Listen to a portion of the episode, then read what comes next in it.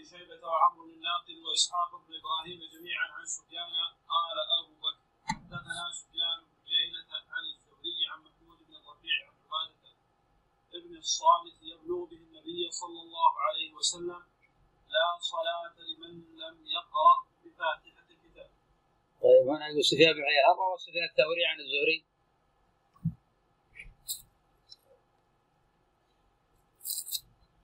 نعم لم يثبت له رواية نعم. مليار وإذا قيل سفيان عن الزهري فهو ابن عيينة دائما نعم. قال حدثني أبو الطاهر حدثنا ابن وهب عن يونس حاء وحدثني حمرة بن يحيى أخبرنا ابن وهب أخبرني يونس عن ابن شهاب أخبرني محمود بن الربيع عن عبادة بن الصامت قال قال رسول الله صلى الله عليه وسلم لا صلاة لمن لم يقترئ بأم القرآن. نعم درجته؟ نعم درجته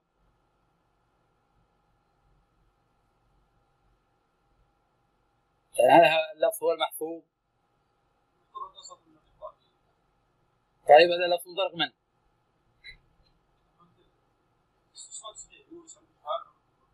طيب والرواة الأخرى الآخرون عن الزهري روى بهذا بلفظ ماذا؟ هل يقال أن يونس رواه هنا بالمعنى؟ نعم. قد روى بالمعنى. وروى بالمعنى. اللفظ الآخر هو المحفوظ. لا صلاة لمن يقرأ فاتحة الكتاب. كما أنه في رواية لا تجوز الصلاة لمن يقرأ فيها بفاتحه الكتاب. هنا روى بالمعنى. ما روى باللفظ. ولذلك ما جاءت هذه الرواية في الصحيحين ولا في أحدهما. لأنه قد روى بالمعنى. نعم. طيب مذهب العلم في الفاتحة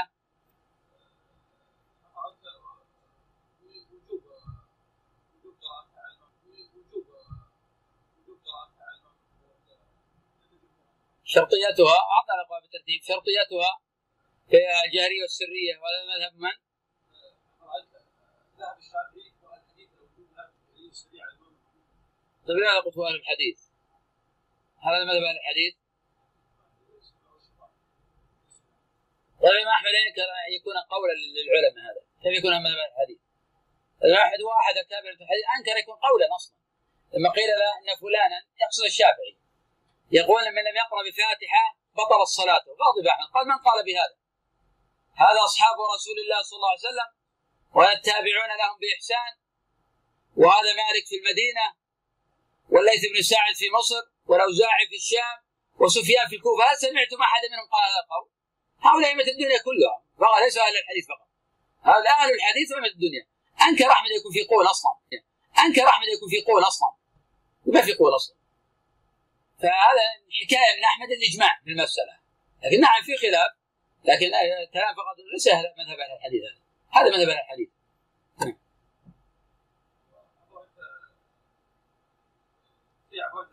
لا المذهب الثاني. هو المذهب الثاني.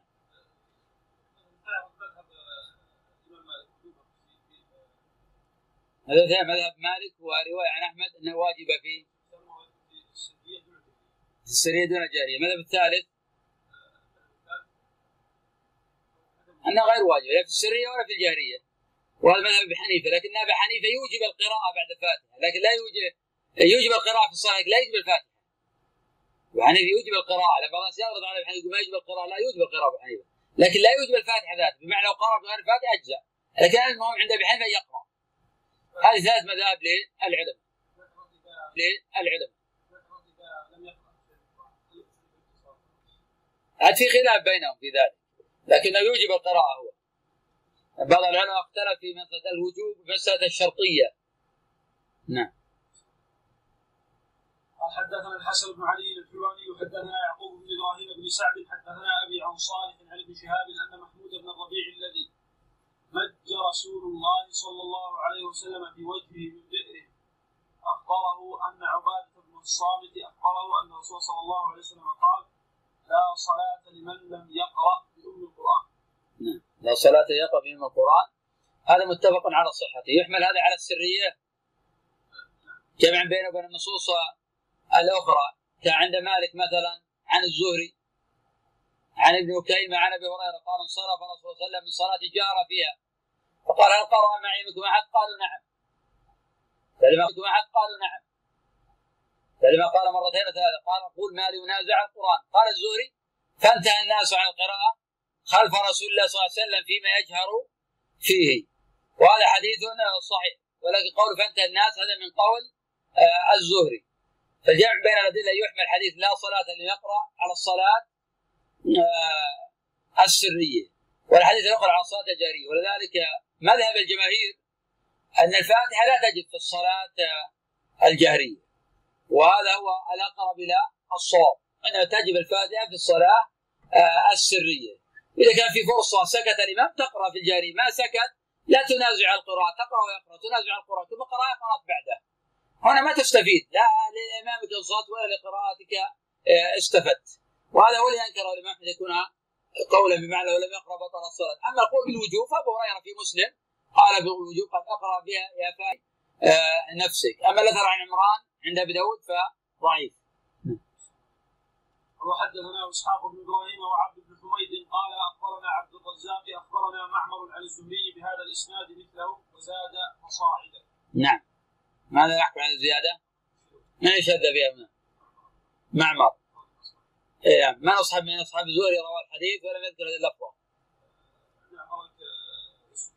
عندنا سفيان بن عيينة ويونس ويونس بن يزيد الأيلي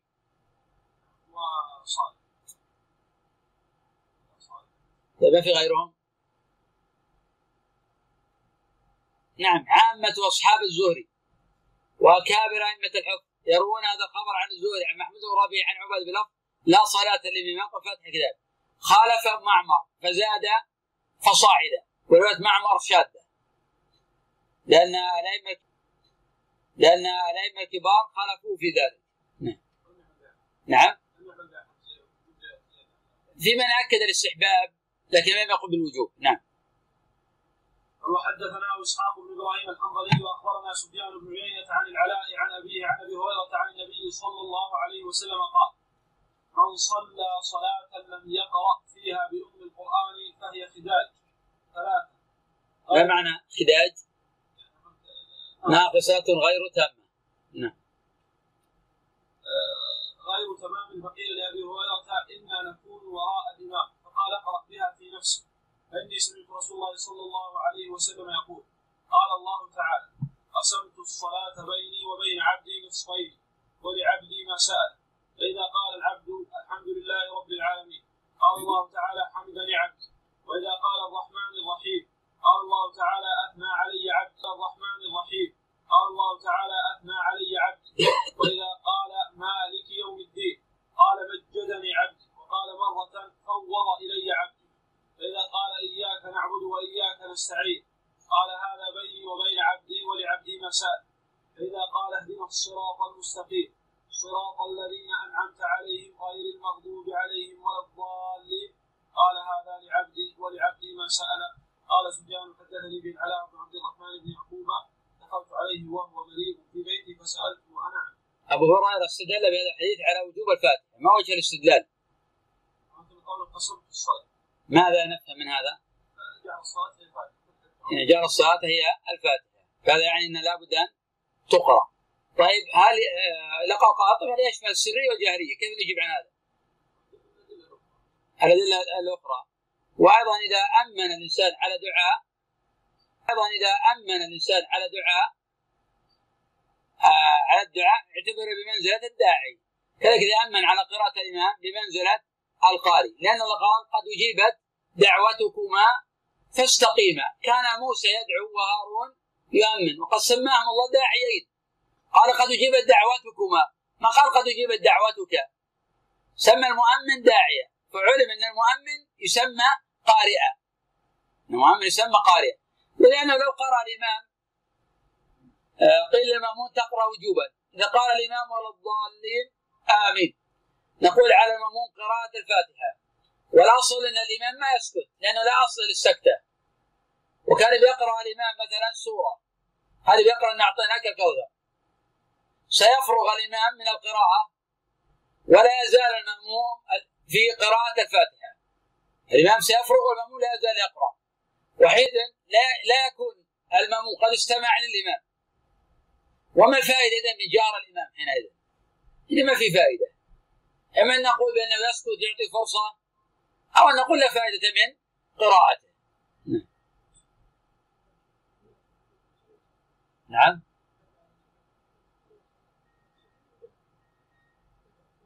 وين من صلى صلاة.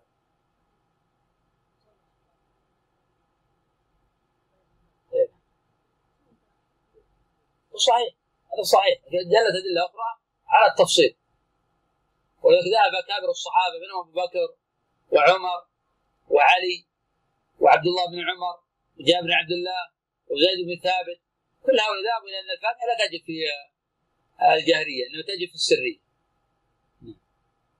قال حدثنا قتيبة بن سعيد حدثنا مالك بن أنس عن العلاء بن عبد الرحمن أنه سائل بن عبد الرحمن أنه سمع ابا السائل مولى هشام بن زهرة يقول سمعت أبا هريرة يقول قال رسول الله صلى الله عليه وسلم حاء وحدثني محمد بن رافع حدثنا عبد الرزاق أخبرنا ابن جريج أخبرني العلاء بن عبد الرحمن بن يعقوب أن أبا السائل مولى بني عبد الله بن هشام بن زهرة أخبره أنه سمع أبا هريرة يقول قال رسول الله صلى الله عليه وسلم من صلى صلاة فلم يقرأ فيها بأم القرآن بمثل حديث سفيان.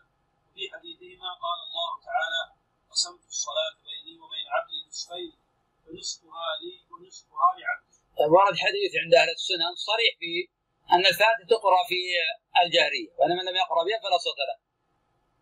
وذلك من طريق محمد بن إسحاق عن مكحول عن محمود بن الربيع عن عباد بن الصامت أن النبي صلى الله عليه وسلم قال لعلكم تقرؤون خلف إمامكم. قلنا نعم.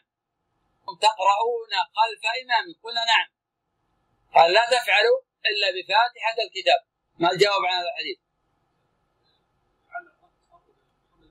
نعم هذا خبر معلول لأن من محمد إسحاق عن مكحول وخالف خالف الزوري فروى عن محمود بن ربيع عن عمر بلفظ لا صلاة لمن يقرأ فاتحة الكتاب. فعلى هذا الخبر معلول ولا يقوى تفرد بن اسحاق به له طريق آخر عند أبي داود أيضا لكن في سناد أيضا مجهول. نعم. حدثني أحمد بن جعفر المعقلي حدثنا النضر بن محمد حدثنا أبو ويس اخبرني اخبرني العلاء. قال سمعت من أبي ومن أبي السائب وكان جليسي أبي هريرة قال قال أبو هريرة قال رسول الله صلى الله عليه وسلم من صلى صلاة لم يقرأ فيها بفاتحة الكتاب فهي خداج يقولها ثلاثا بمثل حديث. حدثنا محمد بن عبد الله بن نمير حدثنا محمد بن عبد الله بن نمير حدثنا أبو أسامة عن حبيب بن الشهيد قال سمعت عطاء يحدث عن أبي هريرة أن رسول الله صلى الله عليه وسلم قال لا صلاة إلا بقراءة. قال أبو هريرة فما أعلن رسول الله صلى الله عليه وسلم؟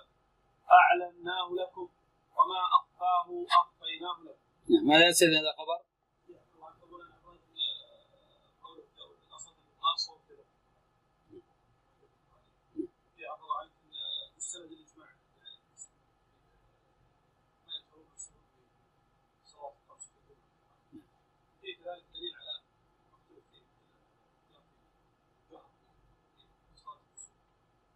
طيب ما حكم الإنسان يجهر في صلاة الظهر ويخفي في المغرب؟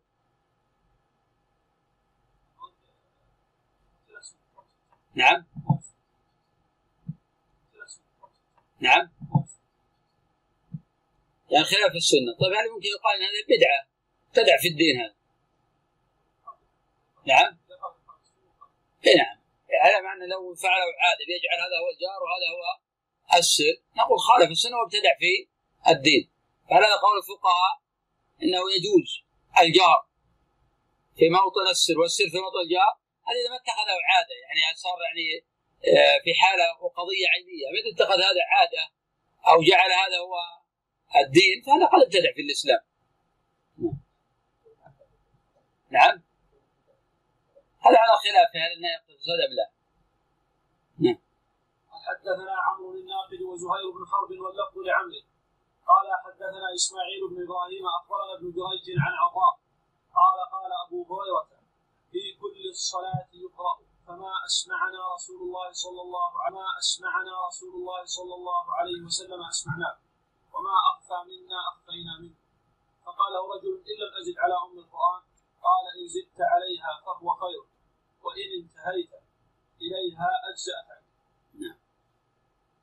حدثنا يحيى بن يحيى نعم يزيد يعني ابن زريع عن حبيب عن حبيب المعلم عن عطاء. قال قال أبو هريرة في كل صلاة قراءة. فما أسمعنا النبي صلى الله عليه وسلم أسمعناه. وما أخفى منا أخفيناه منكم. ومن قرأ بأم بأم الكتاب فقد أجزأت عنه. ومن زاد فهو أفضل. حدثني محمد بن مثنى حدثنا يحيى بن سعيد عن عبيد الله قال حدثني سعيد بن أبي سعيد عن أبيه عن أبي هريرة أن رسول الله صلى الله عليه وسلم دخل المسجد. فدخل رجل فصلى ثم جاء فسلم على رسول الله صلى الله عليه وسلم.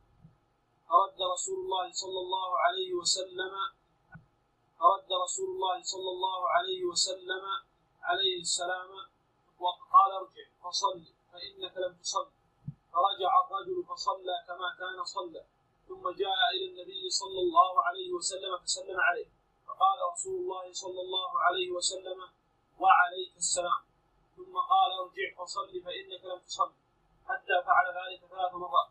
فقال الرجل والذي بعثك بالحق ما أحسن غير هذا علم قال إذا قمت إلى الصلاة فكبر ثم اقرأ ما تيسر معك من القرآن ثم اركع حتى تطمئن راكعا ثم ارفع حتى تعدل قائما.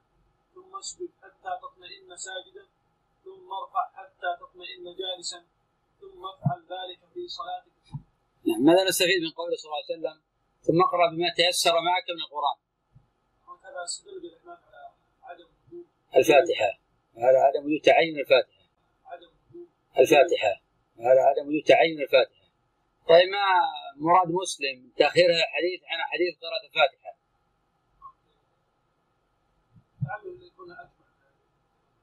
نعم.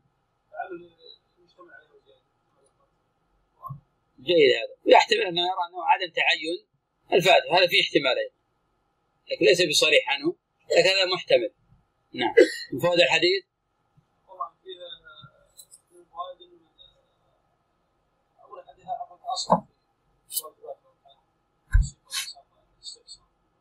نعم. وفي في السلام أنه لا يلزم كان فردا لا يتعين وعليكم السلام. لو كان السلام عليك واحد قلت وعليكم السلام ما في مانع. ورد الأدلة. ولو قلت وعليك السلام هذا الحديث حجة في هذا.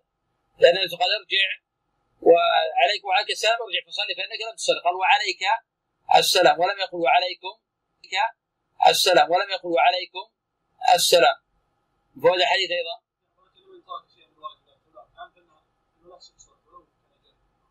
اي نعم. لكن في الوقت لكن لو ترك فيما مضى قبل خروج الوقت. طيب كون النبي ما أمر باعاده ما مضى. هذا دليل. نعم. ففعل هذا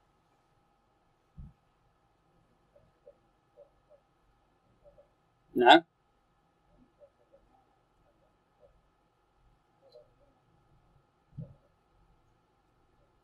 لا الحكمة مهمة جدا أن الإنسان يتعلم يسأل ليش ما سأل هو؟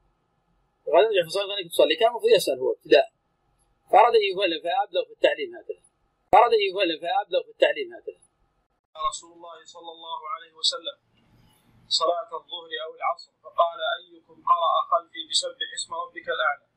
فقال رجل أنا ولم أرد بها إلا الخير. قال قد علمت أن بعضكم خالجنيها ماذا نستفيد من الخبر؟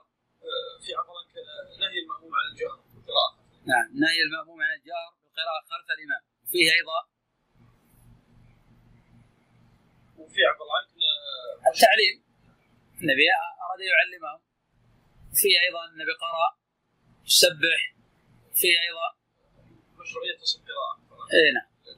خلاف الإمام. صحيح نعم.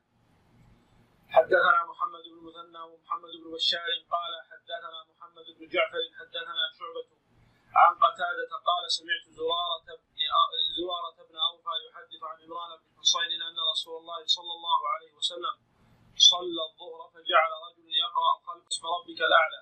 فلما انصرف قال أيكم قرأ أو أيكم القارئ؟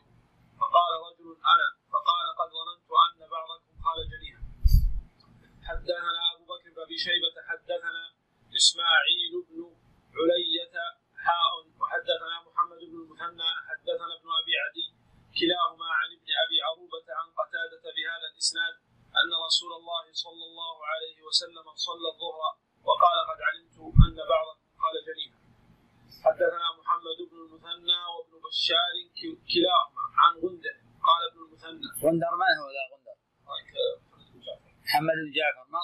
بشعبة زوج أمه صحيح. ما أوثق الناس في هو أوثق الناس في شعبة؟ غندر ومن؟ غندر الحارث خادم الحارث. خادم الحارث ثقة في شعبة نعم صحيح. وداود الطيالسي. وأبو داود الطيالسي. ويحيى أيضا بن سعيد. بن سعيد محمد. القطان والأنصاري قطان صحيح. نعم. قال ابن المثنى حدثنا محمد بن جعفر حدثنا شعبة قال سمعت قتادة يحدث عن أنس. قال صليت مع رسول الله صلى الله عليه وسلم وأبي بكر وعمر وعثمان فلم أسمع أحدا منهم يقرأ بسم الله الرحمن الرحيم. نعم ماذا نستفيد من الخبر؟ آه، في عفوا آه، حجة للجمهور على الشافعية. في الجهر في عدم مشروعية الجهر اي نعم. ولكن لا ينفي هذا الاصرار فيها عندنا روايات إنه يسر بها. لكن لم يكن اللبس يجهر بسم الله الرحمن الرحيم. اذا في هذا حجة للجمهور على الشافعية اللي يرون الجهر بالبسملة. وكذلك في دلالة على أن البسملة ليست من الفاتحة. ويدل على هذا حديث أبي هريرة. أن النبي صلى الله عليه وسلم أن النبي صلى الله عليه وسلم قال قال الله تعالى قسمت الصلاة بيني وبين عبد نصفين. فاذا قال العبد الحمد لله رب العالمين. ولم يقل إذا قال بسم الله الرحمن الرحيم. وقد سماها صلاة. فعلم أن البسمله ليست من آه، الفاتحة. قال حدثنا محمد بن المثنى حدثنا أبو داود حدثنا شعبة في هذا الإسناد. وزاد قال شعبة فقلت لقتادة أسمعته من أنس؟ قال نعم نحن سألناه عنه. حدثنا محمد بن مهران الرازي حدثنا الوليد بن مسلم حدثنا الأوزاعي عن عبدة أن عمر بن الخطاب كان يجهر بهؤلاء الكلمات. يقول سبحانك اللهم وبحمدك تبارك اسمك وتعالى جدك ولا إله غيرك. وعن قتادة أنه كتب إليه يخبره. عن أنس بن مالك أنه حدثه قال صليت خلف النبي صلى الله عليه وسلم وأبي بكر وعمر وعثمان فكانوا يستفتحون بالحمد لله رب العالمين لا يذكرون بسم الله الرحمن الرحيم في قراءة ولا في آخرها. نعم. يسأل هذا الخبر؟ لكنه أصرح حديث في عدم جواب المسلم نعم من العلماء من قال بسبب هذا الاختلاف بين الخبر مضطرب. من العلماء من قال بسبب الاختلاف بين الخبر مضطرب. ومن العلماء من نقى الروايات وآخذ ما ثبت منه وألغى ما لم يثبت وجمع بين النصوص. نعم.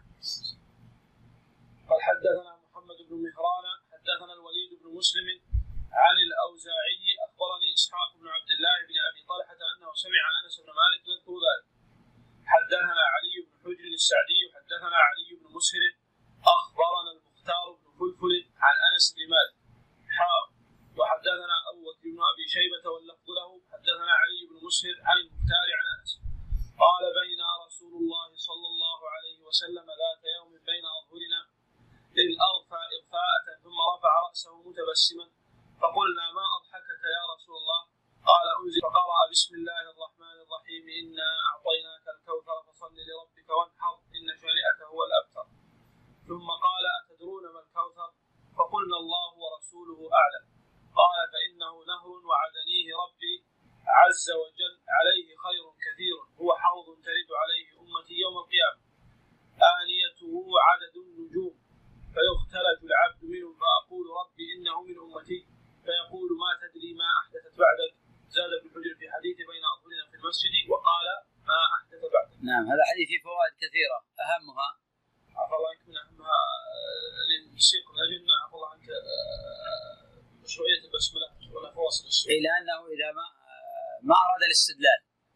لكن لو أن رجل قرأ آية في أثناء الاستدلال هل يشرع له يستعيد أم لا يشرع له؟ شخص يعظ ويرشد هل وإذا أراد يأتي بآية هل يشرع له يستعيد ليأتي بالآية؟ أو أنه إذا أتى أو أنه إذا أتى بموطن الآية سوق الآية قال الله تعالى ويذكرها أما الأفضل أنه يستعيد ويذكر الآية الأفضل أظن أنه يستعيد بأدلة متواترة عن رسول الله صلى الله عليه وسلم. أعطى دليلا واحدا. أن النبي استدل بآية ولا استعاد اللي بعده دليلا.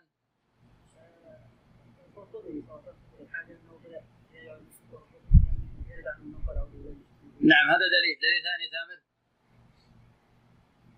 دليل ثالث. في كتابة النبي صلى الله عليه وسلم وأهل الكتاب لم يقل أعوذ بالله من الشيطان الرجيم. كذلك في حديث أبي هريرة في الصحيحين قال تتجافى جنوبهم ولم يقل أعوذ بالله من الشيطان الرجيم. وكذلك في حديث علي في الصحيحين لما وعظ في المقبرة قال فأما من أعطى واتقى وصدق بالحسنى ولم يقل أعوذ بالله من الشيطان الرجيم. وهذا متواتر عن النبي صلى الله عليه وسلم. نعم في هذا الحديث. في عفى الله عنك إثبات الحوض.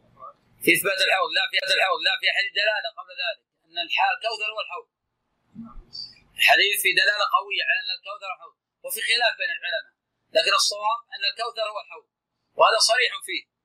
لأن النبي صلى الله عليه وسلم لما ذكر الكوثر قال هو حوض أعطانيه الله جل وعلا. لكن بقي سؤال موجه إليك هل الحوض مختص بالنبي صلى الله عليه وسلم أم أن لكل نبي حوضا؟ نعم. ما هو الدليل على أن لكل نبي حوضا؟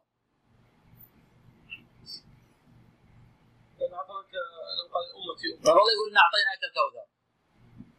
إن أعطيناك يعني خصصناك بالكوثر.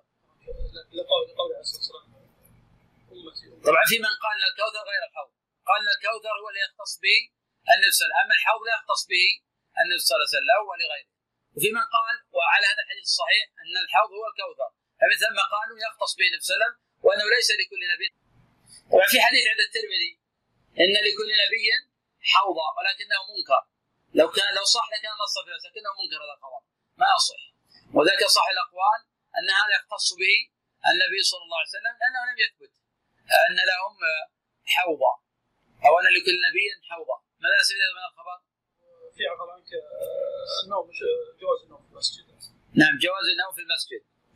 في عفوا عنك سؤال التابع المتبوع إذا تبسم كان السؤال ما يستحسن ولا يكون صحيح نعم. امور متعلقة بالحوض؟ ما في شيء؟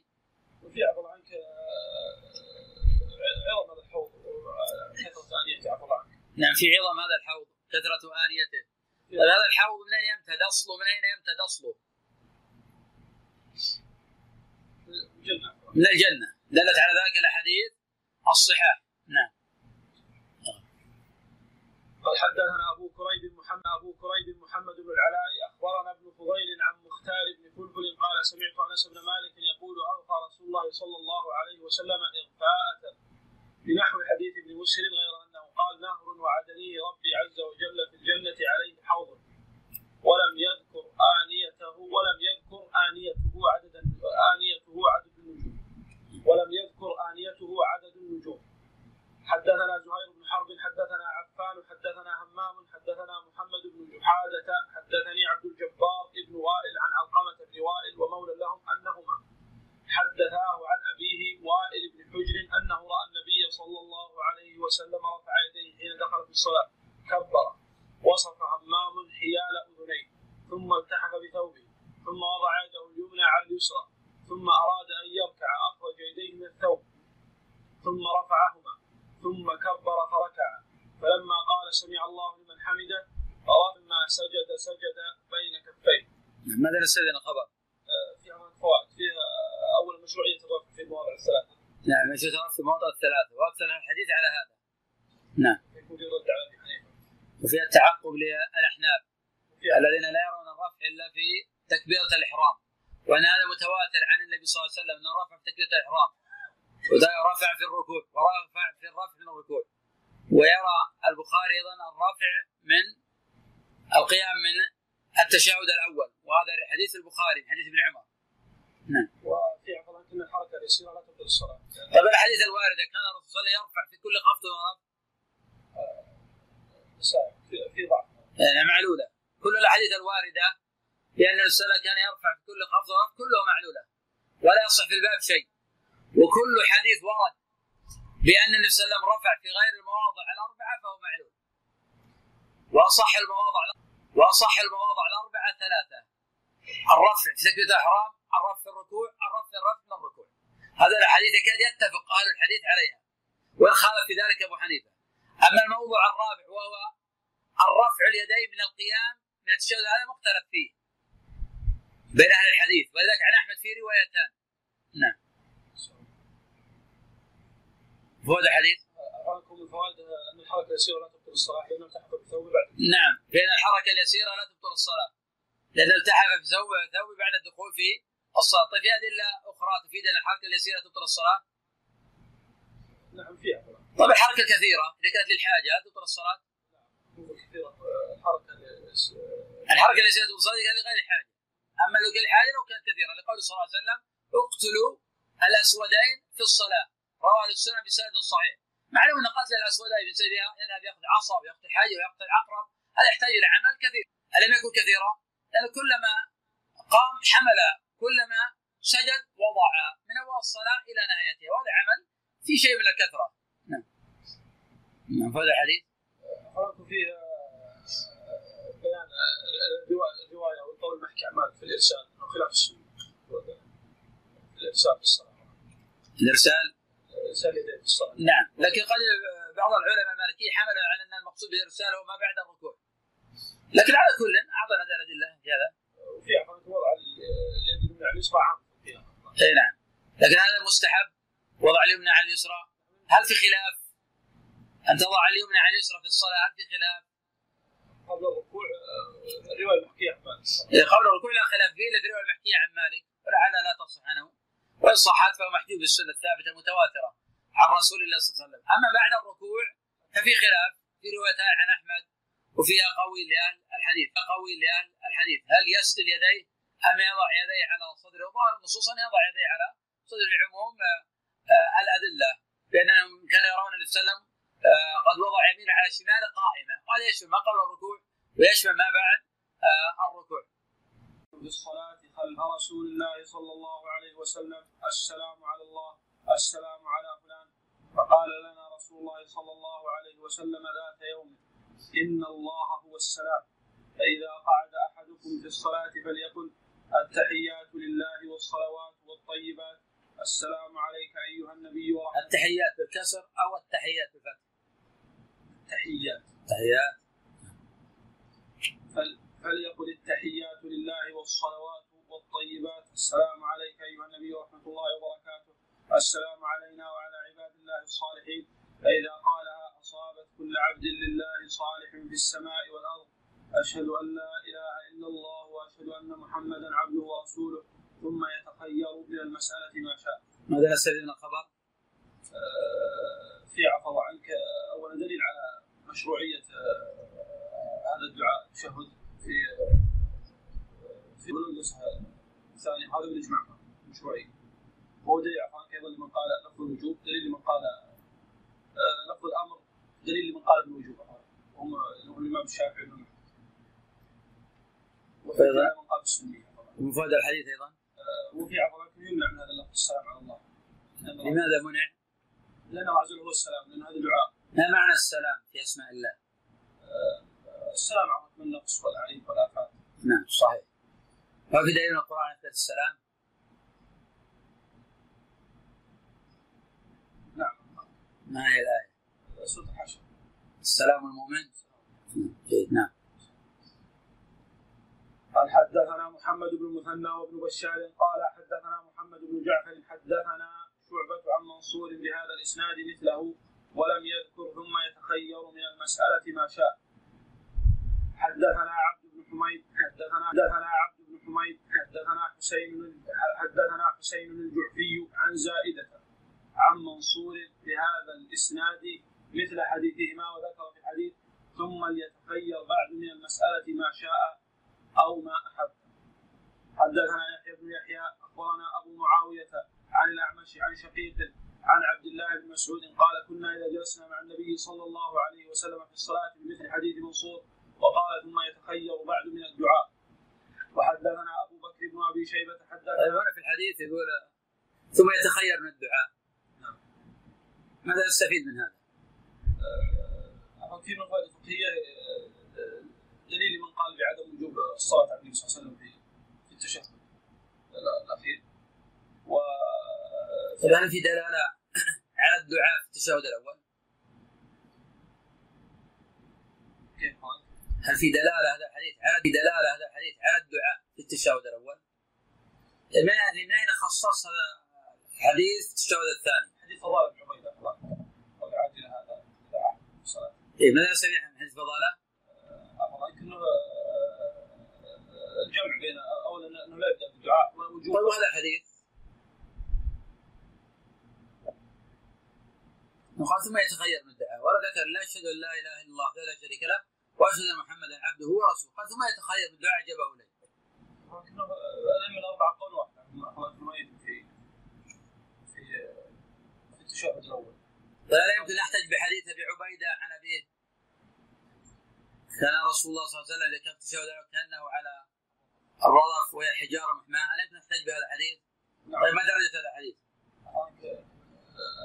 انقطاع بين أبي عبيدة وبين الانقطاع بين أبي عبيدة وبين ابيه ولكنها طبعا هل الانقطاع هذا الانقطاع هذا متفق عليه أو في خلاف؟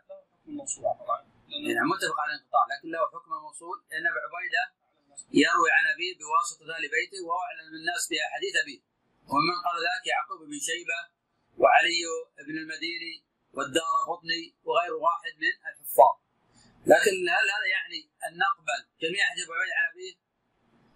أو ان الاصل فيها القبول ما لم يدل شيء على الضعف والنكره صحيح نعم. قال وحدثنا أبو بكر بن أبي شيبة حدثنا أبو نعيم حدثنا سيف بن سليمان قال سمعت مجاهدا يقول حدثني عبد الله بن سخبرة قال سمعت ابن مسعود يقول علمني رسول الله صلى الله عليه وسلم التشهد كفي بين كفيه. طيب ماذا تقول في رواية النسائي؟ كنا نقول قبل أن يفرض علينا التشهد هذا عند النسائي. هذه يستدل بها على وجوب التشهد.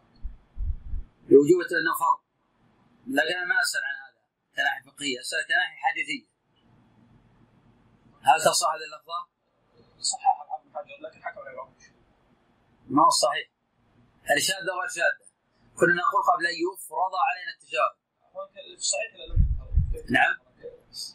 الحديث الصحيحين ما في هذه اللفظة من طرق أيضا.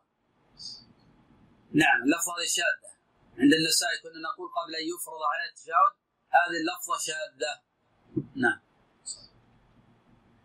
قال علمني رسول الله صلى الله عليه وسلم التشهد كفي بين كفيه كما يعلمني السورة من القرآن واقتص التشهد بمثل ما اقتص. حدثنا قتيبة حدثنا قتيبة بن سعيد حدثنا ليث حاء وحدثنا محمد بن رمح بن المهاجر ليث من هذا ليث؟ طيب لماذا يقول ليث بن ابي سليم؟ ممكن هو اللي يروي ممكن هو اللي يروي عن الزبير نعم لأنه هو اللي يروي عن الزبير. ولكن ليس كما يقول يعني تصل أحيانا بعض الناس يقول لما خرج له مسلم صحيح. خرج له مسلم لكن نعم المتابعة ليس في الأصول. لكن الذي يروي عن ابن الزبير هو الليث بن سعد. نعم. قال وحدثنا محمد بن رمح بن المهاجر أخبرنا الليث عن أبي الزبير عن سعيد بن جبير وعن طاووس. عن ابن عباس انه قال كان رسول الله صلى الله عليه وسلم يعلمنا التشهد كما يعلمنا السورة من القرآن. فكان يقول التحيات المباركات الصلوات الطيبات لله.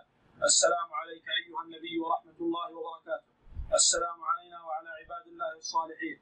أشهد أن لا إله إلا الله وأشهد أن محمدا رسول الله. وفي رواية ابن كما يعلمنا القرآن.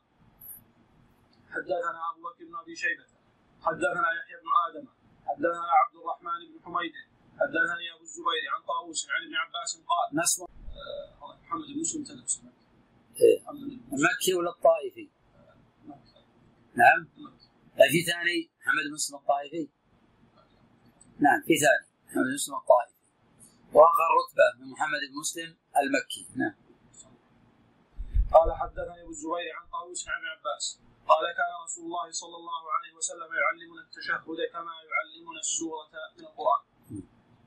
حدثنا سعيد بن منصور وقتيبة بن هذا مغاير لحديث مسعود. ما هو مشروع في مثل هذه الحالات؟ عفى الله عنك آه، قاعدة ذكر شيخ الإسلام نقل عن أحمد المحدثين التنويع فيما آه، تنوعت فيه الروايات إذا أراد اتصال اتصل على حديث المسعود لأنه أصح.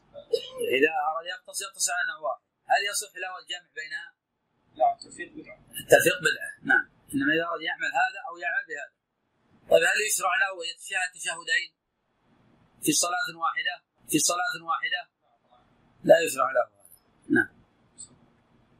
قال حدثنا سعيد بن منصور وقتيبة بن سعيد وأبو كامل الجحدري ومحمد بن عبد الملك الأموي واللفظ لأبي كامل قالوا حدثنا أبو عوانة. اسمه أبي عوانة؟ اللي يشكر نعم سريع حدثنا أبو عوانة عن قتادة عن يونس بن جبير عن حطان بن عبد الله الرقاشي قال صليت مع أبي موسى الأشعري صلاة فلما كان عند القعده قال رجل من القوم أقرت الصلاة بالبر والزكاة. قال فلما قضى أبو موسى الصلاة وسلم انصرف فقال أيكم القائل كلمه كلمة كذا وكذا؟ قال فأرم القوم. ثم قال أيكم القائل كلمة كذا وكذا؟ فأرم القوم. فقال حطان قلتها قال ما قلتها ولقد رهبت أن تبكعني بها. فقال رجل من القوم أنا قلتها ولم ارد بها إلا الخير. ما تعلمون كيف تقولون في صلاتكم؟ إن رسول الله صلى الله عليه وسلم خطبنا فبين لنا سنتنا وعلمنا صلاتنا. فقال إذا صليتم فأقيموا صفوفكم ثم ليؤمكم أحدكم. فإذا كبر فكبروا وإذا قال غير المغضوب عليهم ولا الضالين فقولوا آمين.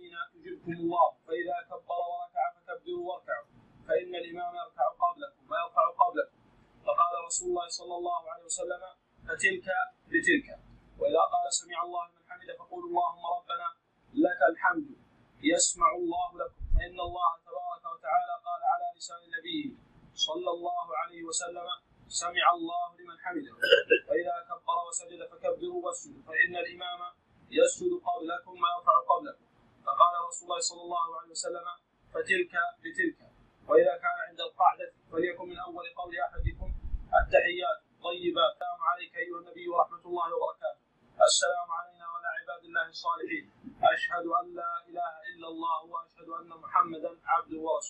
نستفيد من الخبر خاصة القصة بداية الحديث. آه، في عفوا آه، تغليظ المعلم على المتعلمين لحاجة. نعم. وهل في أن العبادات توقيفية؟ آه، نعم نعم إذا عبادات توقيفية. وأنه لا شرع إلا ما شرعه الله وما بينه النبي صلى الله عليه وسلم لأمته. ومع ذلك لا اجتهاد في ذلك. نعم. حدثنا. حدثنا أبو بكر بن أبي شيبة حدثنا أبو أسامة حدثنا سعيد بن أبي عروبة حاول وحدثنا أبو غسان المسمعي حدثنا معاذ بن هشام حدثنا أبي حاول وحدثنا إسحاق بن إبراهيم أخبرنا جرير عن سليمان التيمي كل هؤلاء عن قتادة في هذا الإسناد بمثله وفي حديث جرير عن سليمان عن قتادة من الزيادة قرأ فأنصتوا وليس في احد وليس في حديث احد منهم فان الله قال على لسان نبيه صلى الله عليه وسلم سمع الله لمن حمد إلا في رواية أبي كامل وحده عن أبي عوانة. قال أبو إسحاق قال ابو بكر ابن اخت ابي النضر في هذا الحديث فقال مسلم تريد احفظ من سليمان فقال ابو بكر فحديث ابي هريره فقال هو صحيح يعني واذا قال فانصت قال هو عندي صحيح فقال لم لم تضعه ها, ها هنا قال ليس كل شيء عندي صحيح وضعته ها هنا انما وضع ليس كل شيء عندي صحيح وضعته ها هنا انما وضعته هنا ها هنا ما اجمع عليه نعم عندنا لفظتان الآن فيما كلام ما هما؟ عندنا هناك آه، زيادة بكامل عندنا إذا- عن أبي عوانة آه، لا فان الله قال على نبيه صلى الله عليه وسلم سمع حميده اي نعم وعندنا هناك واذا قرأ طيب ما درجة إذا قرأ فانصت ما حكمه؟ شاذ شاذ ما يستفيد من من؟ من سليمان التيمي نعم المخالف نعم للمخالفة والتفرد قد أشار لسدودها الإمام أبو داود في سننه إذا شاذة والرواية الثانية يجبكم طريقة بكامل عن أبي عوانة قول قول هذه كامل وحده تفرد. نعم لكن ما خالف أحدا ما أدري. نعم عندك. قول وحده بالتفرد نعم ولكن مختلف فيها. أما رواية فإذا قرأ فأنصت فهي شاذة. هل يدل على كلام مسلم على أنه يرى صحتها؟ هو اللفظ صريح هنا. طبعا هذا الكلام غير موجود في بعض النسخ النسخ. موجود في بعض النسخ. لكن واضح أن مسلما يرى صحتها ولكن تصحيحها في نظر. لأن لأن أكثر الحفاظ لم يذكروها قد تفرد بها وأيضا تفرداته فيها نظر لأن عنده شيئا في حفظه. نعم. كيف يجاب عنك عن الأحاديث التي ذكرها مسلم قد اختلف في صحتها هو مسلم رحمة الله ما أورد هذا اللفظ الآن. هو أوردها الآن كزيادة وأشار إليها. ليس كل شيء لم يذكره البخاري ولا مسلم في صحيحيهما يكون هو ضعيفا. البخاري صح حديث والطهر ماء والحل ميتته ولم يرده في صحيحه مسلم صح هذه اللفظة ولا أوردها في صحيحه فأحيانا لا يردان الشيء وهو الصحيح عندهما وأحيانا يردان الشيء وفيما كلام قال حدثنا إسحاق بن إبراهيم وابن أبي عمر عن عبد الرزاق عن معمر عن قتادة بهذا الإسناد وقال في الحديث إن الله عز وجل قضى على لسان نبيه صلى الله عليه وسلم سمع الله لمن حمده. نعم ماذا درجة الزيادة؟ ذكرها في المتابعة. متابعات.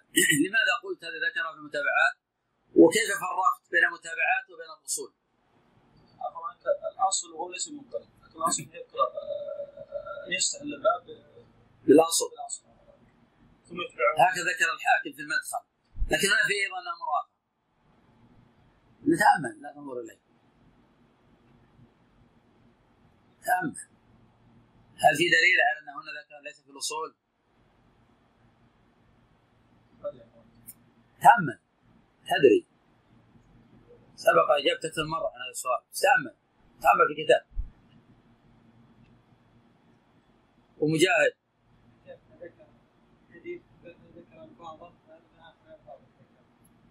هذا قاله. طيب والإسناد؟ الإسناد يدل على أنه ذكر في الأصول أو في كلام. مع معنى قتادة. مع معنى قتادة. صبيح بصري اي نعم ماذا يكون؟ إذا هذا دليل قرينة على ما تفضلت بذكره. صح. قال حدثنا يحيى قال حدثنا يحيى بن يحيى التميمي قال قرأت على مالك عن نعيم بن عبد الله المجمري أن محمد بن عبد الله بن زيد الانصاري الأنصاري وعبد, الله بن زيد هو الذي كان أري النداء بالصلاة. أخبره عن أبي مسعود الأنصاري. قال أتانا رسول الله صلى الله عليه وسلم ونحن في مجلس سعد بن عبادة فقال له بشير بن سعد أمرنا الله تعالى أن نصلي عليك يا رسول الله فكيف نصلي عليك؟ قال فسكت رسول الله صلى الله عليه وسلم حتى تمنينا أنه لم يسأله ثم قال رسول الله صلى الله عليه وسلم قول اللهم صل على محمد وعلى آل محمد كما صليت على آل إبراهيم وبارك على محمد وعلى آل محمد كما باركت على العالمين إنك حميد مجيد. والسلام كما قد علمت. ماذا نستفيد من الخبر؟ خاصة قولوا. آه، في عبارة تستدل به على وجوب الصلاة على النبي صلى الله عليه وسلم. لأن هذا أمر. طيب كيف وضعت هذا في التشهد الأخير؟ وهل في الحديث أن هذا في التشهد الأخير؟ آه، لأن عفى الله عنك طبعا لابد ينضم الأحاديث بعضها إلى بعض. إذا ضم بعضها إلى بعض اكتسبت هذا. ومن ثم اتفق العلماء على هذا. لكن اختلفوا في الحكم. ماذا سيدنا من الخبر؟ في عنك جواز الإفراد آه، إفراد السلام على الصلاة والعكس خلافا للكلام وفي عفى الله عنك آه، كذلك صفة الصلاة على النبي صلى الله عليه وسلم أكبر الصفات الصلاة على النبي صلى الله عليه وسلم طيب الآن الإنسان جلس في بيته يريد يصلي على النبي صلى الله عليه وسلم كيف يصلي على النبي صلى الله عليه وسلم؟ هل الصلاة الإبراهيمية أو الله اللهم صل وسلم على محمد ويقتصر على هذا؟ ما شاء الله كانت هذه أكمل يعني أكمل صلاة إبراهيم أكمل صلاة إبراهيم أكمل يكون أكثر أجرا ولو اقتصر على هذا القدر أجزاء. نعم صحيح.